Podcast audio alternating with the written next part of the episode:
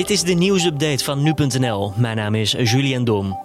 De politie in Helmond heeft het gisteravond druk gehad omdat een groep van 100 tot 150 jongeren zich misdroegen. Er werd met stenen gegooid en er is vuurwerk afgestoken. Zes personen zijn uiteindelijk aangehouden, waarvan één omdat hij een mes bij zich droeg. Iets na middernacht was de rust uiteindelijk teruggekeerd in Helmond.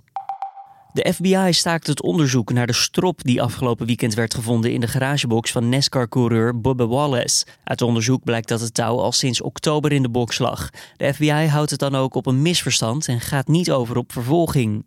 Hoewel de strop in de garage van Wallace is gevonden, had niemand vorige week kunnen weten dat hij die box toegewezen zou krijgen, meldt de FBI.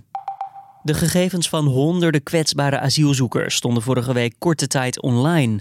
Het Centraal Orgaan Opvang Asielzoekers had deze per ongeluk op een website gepubliceerd. Dat schrijft het NRC. Het gaat om privacygevoelige informatie van slachtoffers van mensenhandel, zoals namen, geboortedata en telefoonnummers. De gegevens kwamen online te staan nadat Radio 1-programma Argos informatie had opgevraagd. Dat gebeurde via de Wet Openbaarheid van Bestuur, oftewel de WOP.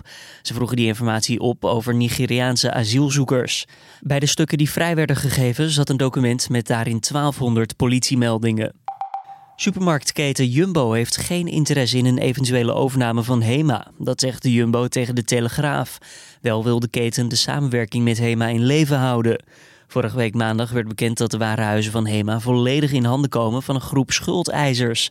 Het bedrijf had toen bijna 800 miljoen euro aan leningen uitstaan. Deze schulden waren afkomstig uit het verleden, toen HEMA in handen was van een Britse investeringsmaatschappij.